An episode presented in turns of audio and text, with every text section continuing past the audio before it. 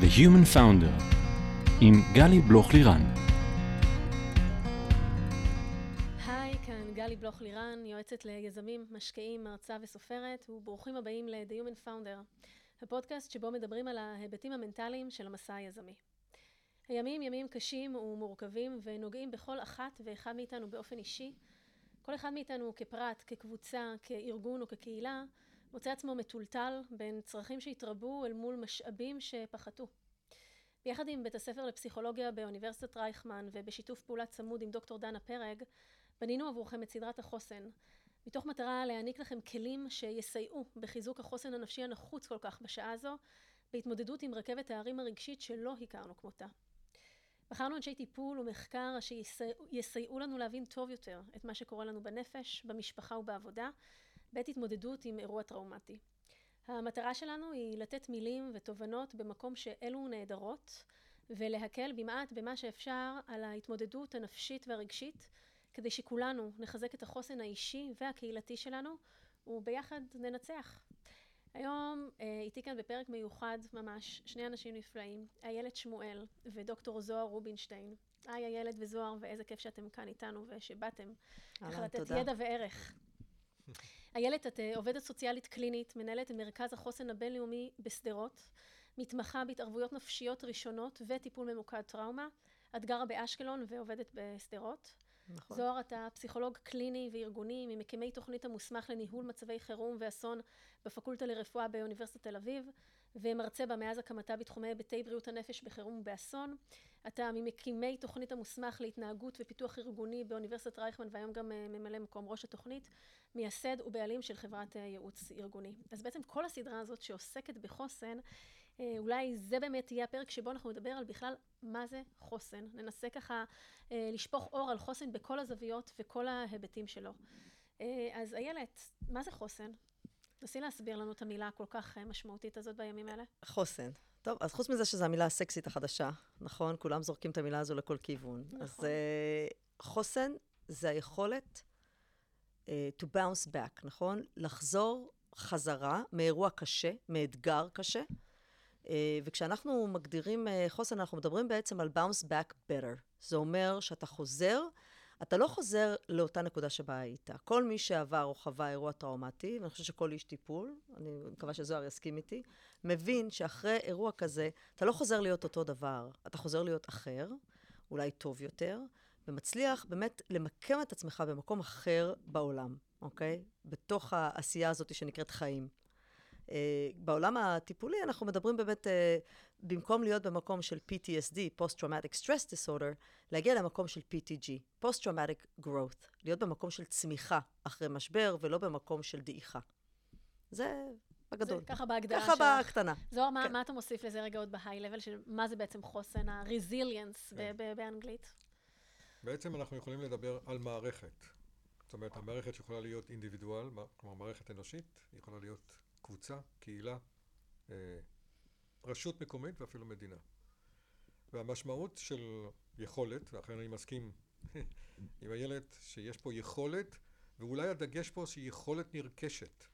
זאת אומרת, לא איזו תכונה שכאילו נולדנו או לא נולדנו, אלא יכולת שצריך לעבוד עליה. וכמה זה נפלא אם אנשים, ארגונים, קהילות, היו מתחילות לעבוד עליה. כיוון שזה ישים אותו ממקום אחר, כאשר אירועי אסון אה, יקרו. אני אוסיף רק דבר אחד שהוא מאוד חשוב. יש פה מפגש, החוסן הוא בעצם היכולת של אותה מערכת לפגוש את האירוע האסון, האירוע הטראומטוגני, להתמודד איתו כמו שצריך בלי לשלם מחירים נוראיים ולצאת ממנו, כפי שאיילת אמרה. בגרוס, מחוזקים. ממש, נכון. ממש כך.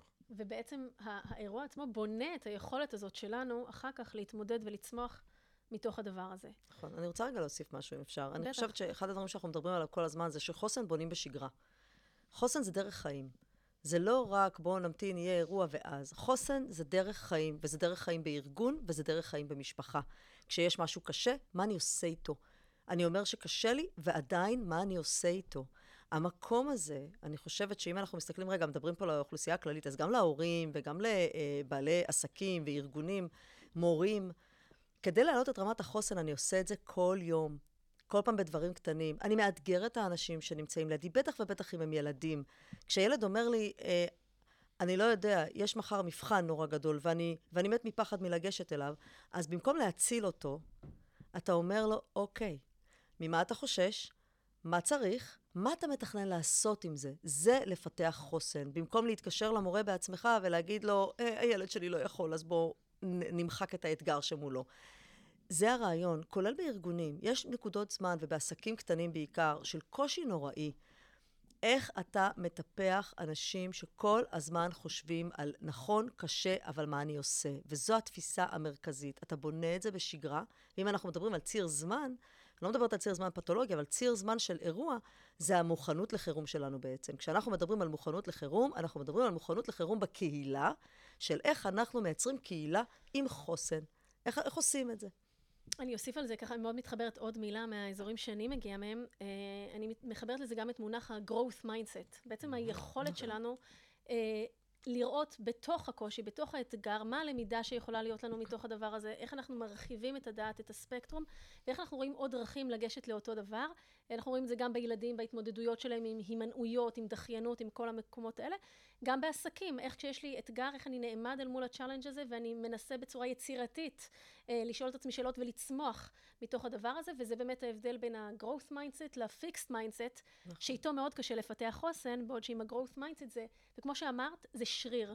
זה שריר שאנחנו כל הזמן צריכים לחזק אותו כדי אה, שהוא ימשיך אה, אה, להתקיים. אז אנחנו רגע מבינים מה זה חוסן. איך מדברים את זה בכלל בציבור? אתם באים מפה ככה מכל מיני מערכות שונות. איך אנחנו אה, אה, מנרמלים או מכניסים את השיח הזה לאיזושהי שגרה. יש לנו מערכות חינוך, יש לנו מערכות רפואה, יש לנו מערכות אה, בירוקרטיה ממשלות, יש לנו אה, עסקים, סטארט-אפים. איך אפשר להתחיל להכניס, או מה אפשר לעשות ברמה הפרקטית יותר, כדי לחנך את כולנו לחזק את החוסן? הסיפור הוא בעצם ליצור שינוי תודעתי. וקודם כל זה לא פשוט ליצור שינוי תודעתי. כי אני חושב שמה שהילד מרמזת, שבעצם אנשים צריכים לאמץ את כל תפיסת החוסן כחלק בלתי נפרד מהחיים. וזה לעומת כל מיני תפיסות מביסות אחרות, שקל לנו מאוד להיצמד להן. וכאשר אנחנו מייצרים את השינוי התודעתי הזה, זה אומר שאנחנו בכלל חושבים אחרת על אתגרים. כלומר, קודם כל לראות קשיים כאתגר, ולראות מה ניתן לעשות איתם, ואיך אנחנו יוצאים ממנו, מהם הכי טוב שיש. הדברים הם מאוד משמעותיים אם מפרקים את זה גם לכמה מרכיבים של ה... איך בונים את הסיפור הזה. למשל, אחד מאושיות חוסן זה גמישות. עכשיו, בוא נחשוב, איך אנחנו בעצם מפתחים אנשים לגמישות, במקום ריגידיות, במקום נוקשות mm-hmm. חשיבתית. מה זה נקרא? של להסתכל על כמה אופציות שאפשר, והאם אני יכול, אפילו במצב הקשה ביותר, ולומר, רגע, אבל אני צריך להסתגל פה, אני צריך לא להכניס את עצמי לאיזשהו בית כלא שמצר אותי, אלא לראות, גישה יצירתית. אז זה חלק מהסיפור נכון. שהוא מאוד מאוד אה, בנוי בתוך השינוי התודעתי הזה. וזה ממש, אה, כשדיברת על גמישות, זה כמו גמישות של החומר. גמישות של החומר, כן. איך הוא יכול להשתנות ולהגיב בתוך הדבר הזה, וככל שאנחנו נעבוד על זה עם ה mindset הצומח ועם הכניסה של החוסן לחיים שלנו כדרך קבע, נפעיל את המוח שלנו שיפעל בצורה אחרת וידע להתייחס אחרת לאתגרים שאנחנו uh, מתמודדים איתם. נכון. זה איפה אתה שם את הפוקוס, mm-hmm. בעיניי. זה איפה אתה שם את הפוקוס. ו- ויש לזה uh, הרבה מאוד השלכות. אני אגיד משפט שאולי יעצבן הרבה מאוד אנשים. ואם כן, זה מעולה, זה אומר שפגעתי. Uh, צדיק ורע לו. אנחנו נורא עסוקים בצדק בחברה שלנו. כמה אני צודק, ורוב האנשים שאני מכירה, כשהם צודקים, הם נורא ממורמרים. כי זה אומר שלא שומעים אותנו, זה אומר, זה אומר שהדברים לא קורים כמו שאנחנו רוצים שהם יקרו. הפוקוס חייב להשתנות. צדיק ורע לו, מפספס את אירוע החוסן. אוקיי? אפשר לבוא ולהגיד, לא עובד, איך מתקנים. Mm-hmm. זה שיח אחר לחלוטין. לא עובד איך מתקנים זה משהו אחר לחלוטין. אני חושבת שכל העולם של השיח הציבורי, אם זה מתחיל באיך אני מנהל את השיח מעל ראש של ילד בסופרמרקט, mm-hmm. או איך אני מדבר עם הילד שלי בבית, או איך אני מתנהל כרגע מול כל הדבר הזה, אני שומעת הרבה מאוד דברים uh, בתקופה האחרונה. האם האירוע של אוקטובר 7 היה אירוע מזעזע? אכן כך.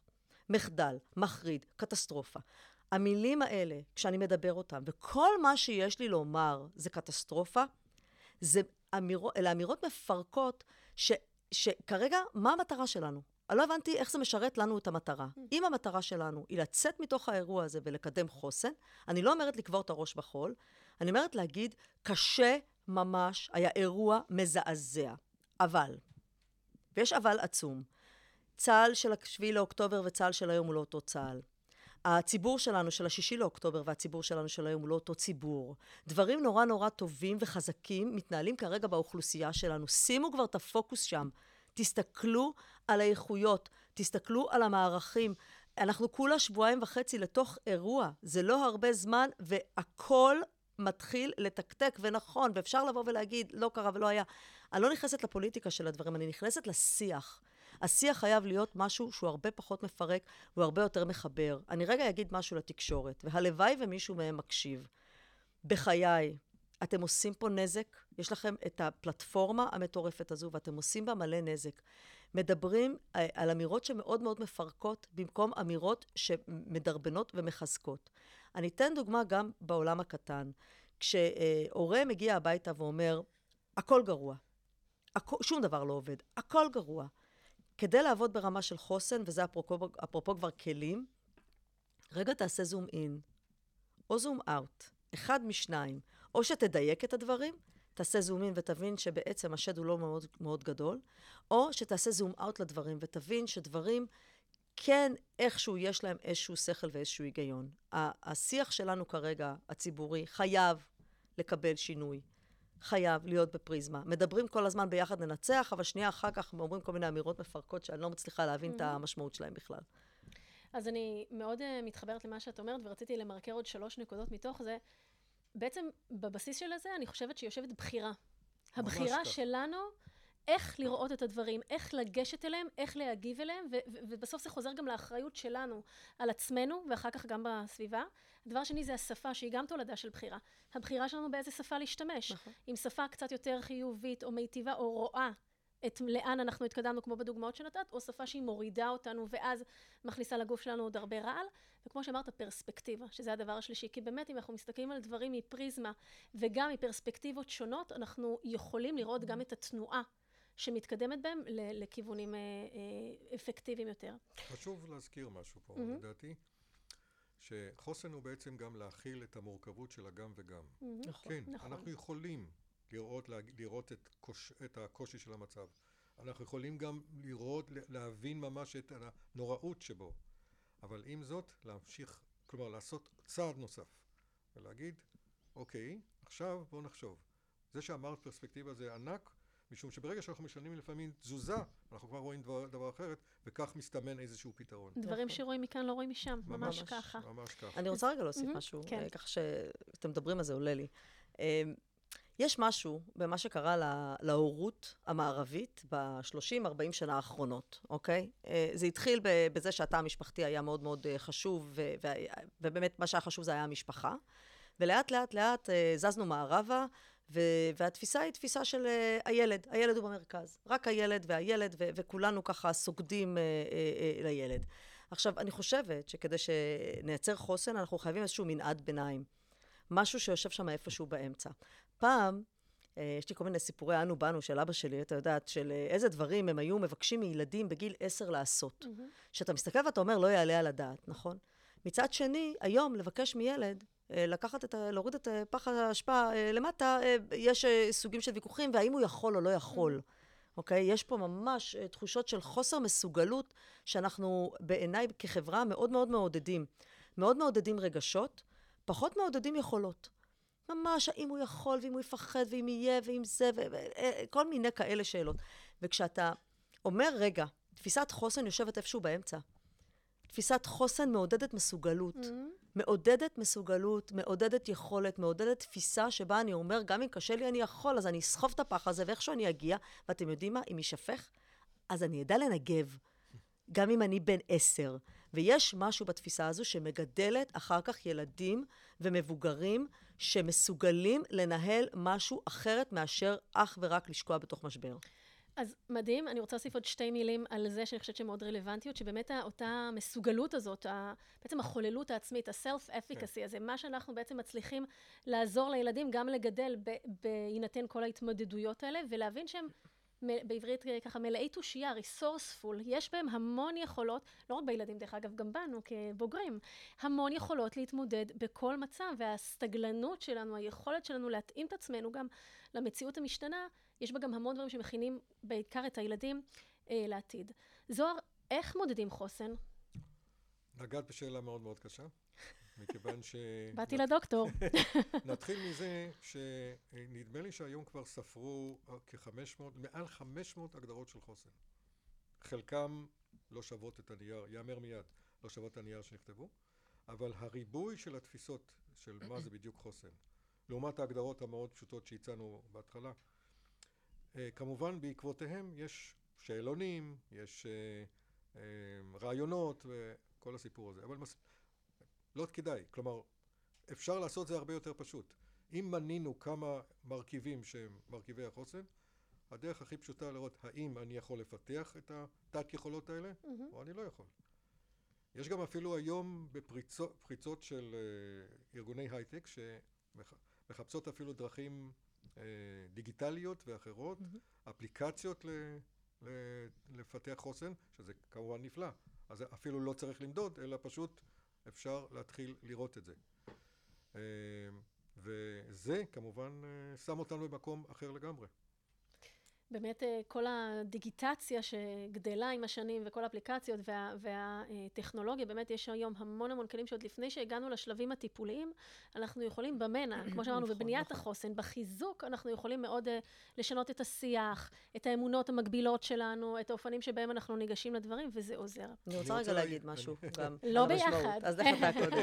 אז אתה קודם, זהו. יאללה. יאללה. כן. מה שבעצם איילת סקרה מאוד יפה, שהקושי שלנו לפתח את השיח הזה הוא גדול עוד יותר בנוסף למה שקורה, משום שבעצם אפשר להגיד כמה דורות חינכו את, הילד, את הילדים למה שכונה באנגלית learned helplessness. Mm-hmm. אנחנו, ב, כלומר הורים, אני רואה את זה לפעמים אלה שבאים לקליניקה שלי ואני אומר, מה אתם עושים? הסוג הזה של learned helplessness זה בעצם סוג של חינוך מכוון ילדים להיות בחוסר אונים. Mm-hmm. ואז צריך להתגבר על, ה, על השלב הזה שהוא מאוד מאוד uh, קריטי. לקיים מחדש את המערכת כדי שהיא תוכל לצמוח נכון. uh, משם. נכון. אני רוצה ללכת רגע, את, אה, שאלת איך מודדים חוסן כן. וכאלה. אני רוצה רגע ללכת מהעולם הקהילתי ואז לגזור את זה אחורה. קדימה. בסדר? כי אני חושבת שזה חשוב. כשאנחנו מדברים על חוסן קהילתי, אנחנו אומרים, אוקיי, הקהילה יש לה חוסן. טוב, מה זה אומר? בסדר, תכלס, בואו. דברו בדברים קצת יותר פרקטיים. תחושה של משמעות, תחושה של לכידות, תחושה של שייכות, אמון במנהיגות, אוקיי? אלה דברים קטנים.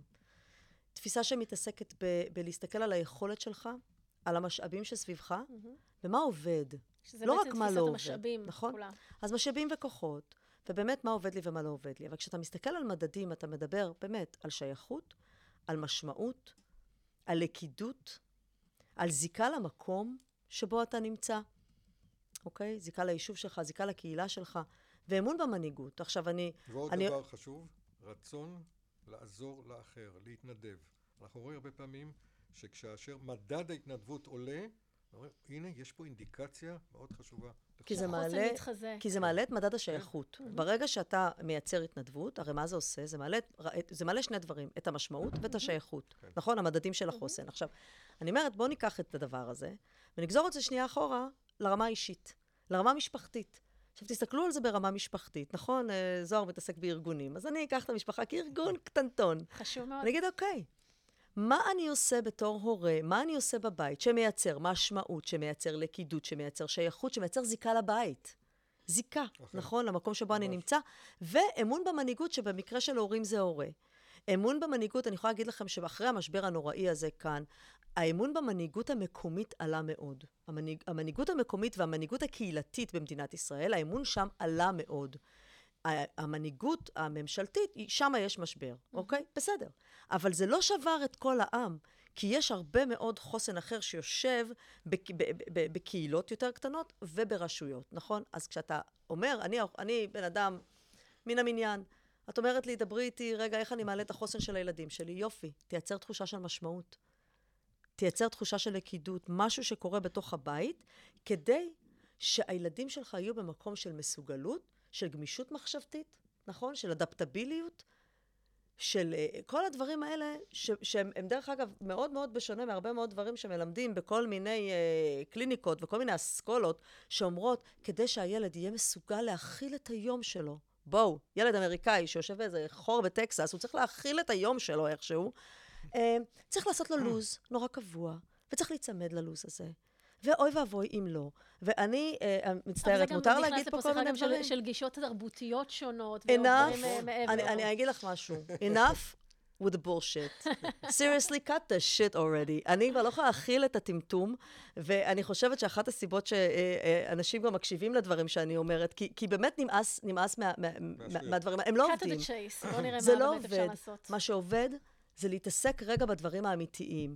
וכשאתה מייצר לילד איזשהו לוז, או למורה, שהוא לא יכול לזוז ממנו, אתה מייצר ריג'ידיות, כן, שבסופו של בדיוק. דבר אין בה שום גמישות, ואז אתה מבין מה אני יכול לעשות עם הילד הזה. נכון. עכשיו, מה מדהים בכל הדבר הזה של חוסן? יבוא פרופסור יורי גדרון, ויגיד לנו שהעצב הווגאלי, נכון? כן. החוסן שלנו הוא, הוא מדד, נכון? כן.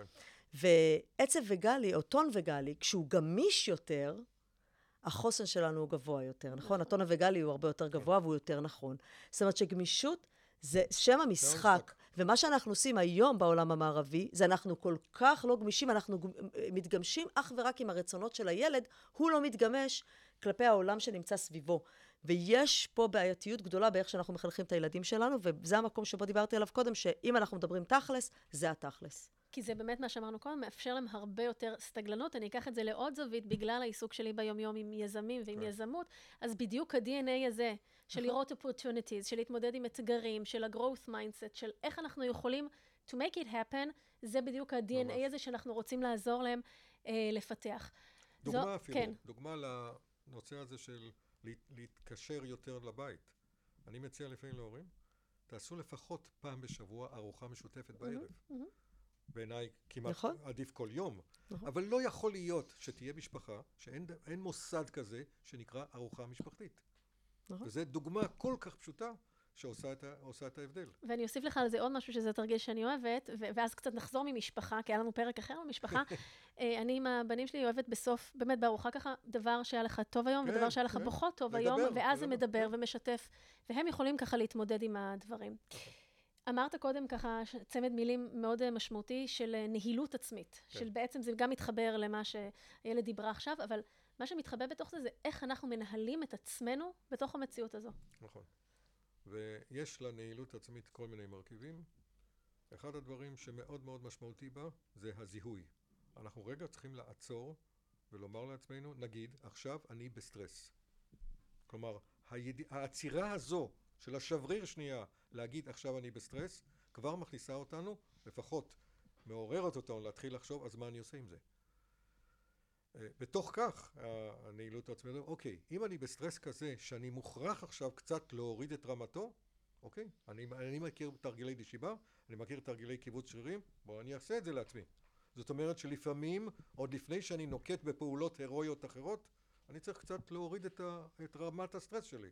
באמצעים הכי פשוטים שיש. נשימות. Mm-hmm. פתאום לנשום באופן מודע כבר עושה את ההבדל. נכון. אני חייבת להגיד שאני מתחברת פה בשתי נקודות, אוקיי? נקודה אחת, שבה אה, אני אומרת שהמודעות היא, היא המפתח פה. כן.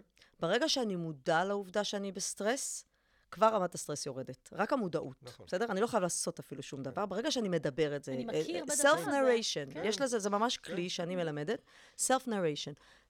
תקריין את מה שעובר עליך, ובאותו רגע אתה תראה שרמת המודעות לוקחת את הדבר הזה וככה מורידה אותו לגמרי. אני יכולה להגיד משהו אחר על נשימות, אה, וכאן אנחנו קצת חלוקים. אני מסוג האנשים שכשאומרים להם, אה, כשאתה בסטרס תנשום, בא לי לחנוק את הבן אדם שאומר לי את זה. לא עובד לי, לא עובר לי בגרון ולו לשנייה. עכשיו, אני עושה את זה בנקודות זמן מאוד מאוד מסוימות, אבל בדרך כלל לא בפיקים מטורפים של סטרס, אוקיי? יש, זה מאוד מאוד מסוים אצלי. זהו, אה, את צריכה להבדיל, אז, אז כיוון בדיוק. שאת מתווכחת איתי, אז צריכים להבדיל בקונטקסט. נכון, לפעמים בדיוק. אני לא צריך להרגיע, נכון. לפעמים אני צריך לקחת את לעשות אקשן. ולעשות איתו נכון. משהו. וגם עוד משהו שיוצא מפה, נכון, ש... ממש. אז זה קונטקסט. נכון, גם הקונטקסט, אבל גם... שגם את כבר מכירה את עצמך מאוד נכון. מאוד טוב, ואת נכון. ברמה יחסית של מודעות מאוד מאוד גבוהה, שאת יודעת איך לנהל את הדברים. הרבה אנשים עדיין אין להם מספיק את הכלים האלה, או את ההיכרות המעמיקה עם עצמם, מה נכון להם יותר ומה נכון להם פחות, וזה באמת חלק מללמד את עצמנו ולשאול את עצמנו את השאלות. אבל חלק מהעניין הוא גם לדעת איך נראה סטרס. אני חושבת שמה שקורה לנו באוכלוסייה, לפחות עכשיו, בואו תסתכלו על המצב כרגע. יש מציאות משותפת מטורפת, כולם פה באיזושהי טראומה לאומית באמת הזויה. ואתה מסתכל על הדבר, ואתה אומר, אוקיי, מה זה סימפטומים של סטרס? אני רוצה שיזהו. כי יל? ילד, בואי לדוגמה... תני לנו כמה. אז בואו בוא נדבר על כמה דברים, בסדר? יש את העולם של hyper vigilance. Hyper vigilance זה באמת עוררות יתר. אה, עוררות יתר אנחנו רואים הרבה פעמים במצב של דריכות, נכון? עכשיו, זה הגיוני שאנחנו דרוכים, אנחנו אמורים להיות דרוכים. אם בן אדם לא דרוך בימים אלה, בעיניי משהו לא תקין אצלו. בסדר? אני מסתכלת על זה ככה. אני מסכים איתך. מי, שלא יש, מי שישן היום שנת ישרים, ובאמת, אה, לא, זה, משהו משהו אצלו, משהו לא אצלו לא עובד. אז כשאנשים מתקשרים אליי ואומרים לי, אני לא יודע מה לעשות, אני לא ישן, אני אומרת להם, מעולה, נשמע לי שמצבכם מצוין. אתם לא אמורים לישון. אם לא הייתם ישנים שנת ישרים, הייתי, היינו בבעיה. אבל, אז יש את המקום הזה של, רגע, אני לא ישן. ואני טיפה ליותר עצבני. עצבנות היא סימפטום של סטרס ושל עוררות יתר, וחייבים לשים את זה על השולחן, כי הרבה פעמים זה מפוצץ משפחות, וזה מפוצץ שיח, וזה קשה מאוד להכיל את זה. אבל אם אתה מבין שזה? סימפטום של סטרס, אז אתה מתייחס לזה אחרת גם בתור הורה. אתה לא מעניש ילד שרמת הסטרס שלו היא גבוהה, נכון? אתה לא מעניש מבוגר, אתה לא פתאום לא מדבר איתו לעולמי עלמיה כי הוא התעצבן עליי. אתה פשוט מבין ש, שהסיפור הזה של עצבנות יתר. אה, אה, סימפטומים נוספים זה דריכות מאוד מאוד גבוהה, זאת אומרת, תגובה של בהלה לכל מיני רעשים. עכשיו, אנחנו בדרום מכירים את זה מצוין, אוקיי? אם אני יושבת בשדרות אה, בטיפול בקליניקה ופתאום אה, נופל פח אשפה, אנחנו כולנו קופצים. קופצים. עכשיו, אה, אה, בדרך כלל, מה, עכשיו, מה חשוב? חשוב הקריון העצמי. אז אם המטופל אומר, וואי, איזה חרדתי אני, התגובה שלי היא, היה מבהיל, אה? הגיוני שמבהיל, כי אנחנו רגילים שכזה רעש זה טיל, זה בסדר גמור שקפצנו, זה לא אומר שאנחנו חרדתיים, זה אומר שאנחנו דרוכים. אנחנו הנסיבות. באזור מלחמה, אנחנו אמורים להיות דרוכים. זה בסדר גמור, נכון? אז זה כבר המקום של מה עושים מזה. אבל כשאתה מסתכל על הסימפטומים של סטרס, חשוב לי מאוד לאוכלוסייה הכללית, שיבינו שזה לא הופך אותך לפוסט-טראומטי וזה לא הופך אותך לכלום ושום דבר. צריך נורא נורא להיזהר מהאמירות האלה, זה אחד. כולם גם מדברים איתי עכשיו על פוסט-טראומה. אה, סליחה. היה לנו- היה לנו זה פרק שלם כן, עם אז אני זוהר, לא אכנס צריך, לשם. זה אז אני לא. אכנס לפינה הזאת. אבל אני חושבת שמבחינת סימפטומים צריך נורא נורא חשוב. חשוב מאוד סימפטומים של, אה, של איך זה נראה בגוף. כי מזה אנשים נורא נבהלים. איך נראה סטרס בגוף? סטרס יושב בגוף. בואו, זו מערכת של הגוף שלנו בכלל שמייצרת את זה. אז רגע להבין איך זה נראה. זה רעד, וזה קושי של נשימה, ואני לא צריך, בזמן של סטרס אקוטי, אם אני לא מצליח לנשום, נגיד ויש אזעקה ואני לא מצליח לנשום, זה לא אומר שאני צריך להתקשר למד"א, למען השם. זה אומר חושבת שאני שזה- יודע לעשות עם זה משהו. שזה מתקשר מאוד לניהול העצמי, נכון. שזוהר דיבר עליה קודם, ו- וכאילו כשדיברת כזה רגע על העצבנות וזה, אז בתוכי חשבתי שהאנטידוט לפעמים לדבר הזה, כן, כן. זה איך אם איתנו בסביבה המיידית, נגיד במשפחה, אם יש הכלה. כי אם אחד מבני הזוג, למשל, מאוד מאוד עצבני ובעוררות יתר ודרוך ומגיב לדברים, אבל אחד מבני הזוג, זאת אומרת, הבן זוג השני או הבת זוג השנייה, יודעים יותר להכיל את הדבר הזה, ועוד משהו יפה שדנה, דנה פרג אמרה לי ככה שהכנו את הסדרה, לא להיבהל מעצמנו. נכון, ללמוד לא נכון. להיבהל מעצמנו ממש. בתגובתיות שלנו, כי זה נורמלי. ואפרופו, הקריינות הפנימית הזאת שאת אומרת, שככל שנקריין לעצמנו ונשיים יותר את הדברים, אה, זה ככה יעזור לנו. אני רוצה לקחת את זה רגע שלב קדימה. ובכל זאת, איך אנחנו יודעים כאנשים, כ- כפרטים, מתי אנחנו צריכים איזושהי התערבות נקודתית, או טיפול, או כאילו לעזור לנו לאבחן את עצמנו קצת בסיטואציה. מה כן צריך להדליק לנו נורה אדומה? אז אני רוצה רגע להגיד, קודם כל, אה, אנחנו מדברים פה כנראה על סטר- סטרס אקוטי, וזה אומר שאנחנו קודם כל צריכים להבין, אחד, לא להיבהל, נכון? לא דיברנו על הסימפטומים, אבל אה, יש כל מיני סימפטומים פיזיים שבדרך כלל נורא נורא מפריעים לאנשים, אוקיי? אה, לתת לזה רגע זמן של החלמה. רגע לתת החלמה טבעית. רוב האנשים, הסימפטומים, לאנשים לא דופק הלב 24 שעות, mm-hmm. בסדר? דופק הלב בערך 5 עד 7 דקות, ואז זה יורד, רמות האדרנלין מתחילות לרדת, ואחר כך יכול להיות שזה יעלה שוב, אבל יש משהו שקורה בתוך הגוף שלנו שמאפשר לנו החלמה טבעית. אז אחד, לא להיבהל ולתת רגע את המקום לזה. הדבר השני, הוא באמת להתחיל להסתכל על הסימפטומים ביחס לבייסליין שלך. נכון. מה זאת אומרת? איך אתה מתנהל בדרך כלל, והטמפרמנט שלך, ולפי זה לראות אם זה מאוד מאוד קיצון. ואם זה לא יורד, אז באמת לבוא ולהגיד, אולי אני צריך רגע להרים דגל. אני חושבת שאת רוב העבודה אפשר לעשות לבד ובבית, אוקיי? מתי מרימים דגל? דיסאסוציאציה, זה אחד. אפקט שטוח, זה נוסף. ת, תגידי, אז תסבירי איזה אסביר. משפט כדי ש... והמקום הזה של באמת הימנעות טוטאלית. אז יש אנשים שבכל ה cluster הזה של, אה, אה, של סטרס, הסיפור של הימנעות. ילדים שנמנעים, רואים את זה הרבה מאוד עם ילדים, אה, נמנעים מלדבר על הדברים, נמנעים מלהיות עם אנשים שמזכירים להם את הדברים, נמנעים ממקומות, נמנעים מלעשות דברים, אוקיי? ילד שפעם היה חובב כדורגל ידוע, לא מוכן לצאת מהבית, לא מוכן לעשות שום דבר, אוקיי? הימנעויות. כשההימנעות הזאת הופכת להינעלות מלאה, ואתה בתור הורה מנסה יום, יומיים, שלושה, לייצר שם איזשהו עניין וזה לא זז, זה המקום לבקש עזרה. זאת נורה אוקיי? אדומה. זה נורה, נורה אדומה. אוקיי. נורה אדומה נוספת זה אפקט שטוח. אה, מנעד רגשות אפקט מלא, זה, כלומר, רגש. הפלט האפקט של. רגש. זה אומר שמנעד רגשות זה מצוין. שיצעק, שיתעצבן, שיבכה, שיפחד, מבחינתי, מעולה. כל המתוסכלים, the more the merrier, באמת. כי זה אומר שהם שם. הם באים, הם חיים את האירוע, הם, הם נושמים אותו, הם חיים אותו, הם מקיאים אותו, ובסופו של דבר זה יצא מהסיסטם. מי שנמצא באפקט שטוח, שזה באמת, אתה רואה סוג של, אה, אה, שה, שהפרצוף לא מביע שום רגש, וזה נשאר ככה לאורך זמן, יש פה חשש. אנחנו מפחדים שהבן אדם ייכנס לה- באמת לעומקים האלה של הטראומה, שבו הוא מרגיש ממש לבד, ויש ניתוק שמתרחש, שבסופו של דבר קשה מאוד להוציא את הבן אדם ממנו. ולכן, זה. מקום שאנחנו שמים פה דגל אדום. אה, דיסאסוציאציה בכלל, אני לא אכנס לעולם הפתולוגי של דיסאסוציאציה, אבל זה מקום שבו אתה לא נמצא באירוע, לא בגוף ולא בנפש. אתה לא שם. התנתקת. התנתקת לחלוטין. וכשזה קורה, החשש שלנו הוא שכשאתה, אם, כשתחזור משם, החזרה משם היא מאוד מאוד קשה, אם בכלל. עדיף לנו ש... להחזיר אותך מיד למקום ולאירוע, כדי שתחווה אותו, הכי קשה שיש, אבל תחווה אותו. כי דיסאסוציאציה הוא, הוא מסוכן לנו ב- בתהליך ההחלמה. בסדר? אז זה לדוגמה כמה דברים. אנחנו ככה תכף אה, מתקרבים לקראת סיום, ואני רוצה שמתוך דווקא המקומות הפתולוגיים יותר, נחזור להתחלה שהייתה Resilience, חיובית, ו- ו- resilience. וחוסן, נכון. ורזיליאנס, ו- ואחד הדברים שאני תמיד מלמד את הילדים שלי והם משלימים זה שאם נופלים והם עונים לי ביחד, קמים. נכון. וזה באמת אה, חלק, זה התנועה הזאת שאנחנו קמים נכון. בחזרה, נכון. ולהזכיר שלנו יש המון המון יכולת בנעילות העצמית שלנו, בסטגלנות, בחוללות העצמית שלנו, בגמישות המחשבתית, בכל הדברים שככה העליתם פה מאוד מאוד יפה, לעזור לנו לעצמנו, וגם עוד משהו, דיברת קודם, בקהילה.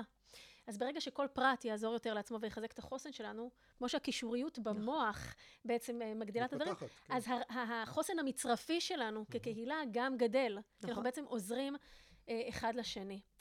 עוד איזה מילה חשובה על חוסן ככה לסיום, שתעלה לאנשים חיוך כאן על נקודה הפנים? מאוד מאוד חשובה, זה כמו שריר. צריך לפתח את זה, לחשוב את זה, לחיות את זה, ולעשות תרגילים לקראת. לשמר את זה, לשמר את זה. לשמר את זה. כן, כן, אחרת השריר נהיה נכון. מדלדל. נכון. אני רוצה להגיד משהו. כן. אני חושבת שאנחנו נמצאים בעולם, אה, עברנו טראומה נוראית, לא מבוטלת, ענקית, ועכשיו נשאלת השאלה, איזה משמעות אתם רוצים לצקת לתוך הדבר הזה? והגיע הזמן לדבר במילים של משמעות. כל מי שניצול, וכל מי שכאן, וכל מי שאיבד, אנחנו לא מביטים לרגע בדבר, אבל אנחנו מסתכלים ואנחנו שואלים, עכשיו מה? What is your goal? set it up, תחליטו מה המטרה שלכם לטווח קצר ומה המטרה שלכם לטווח ארוך, ואיך אנחנו הולכים להתמודד עם הדבר הזה, ובסופו של דבר לצאת מהצד השני שלו. והמסר חייב להיות נורא נורא ברור.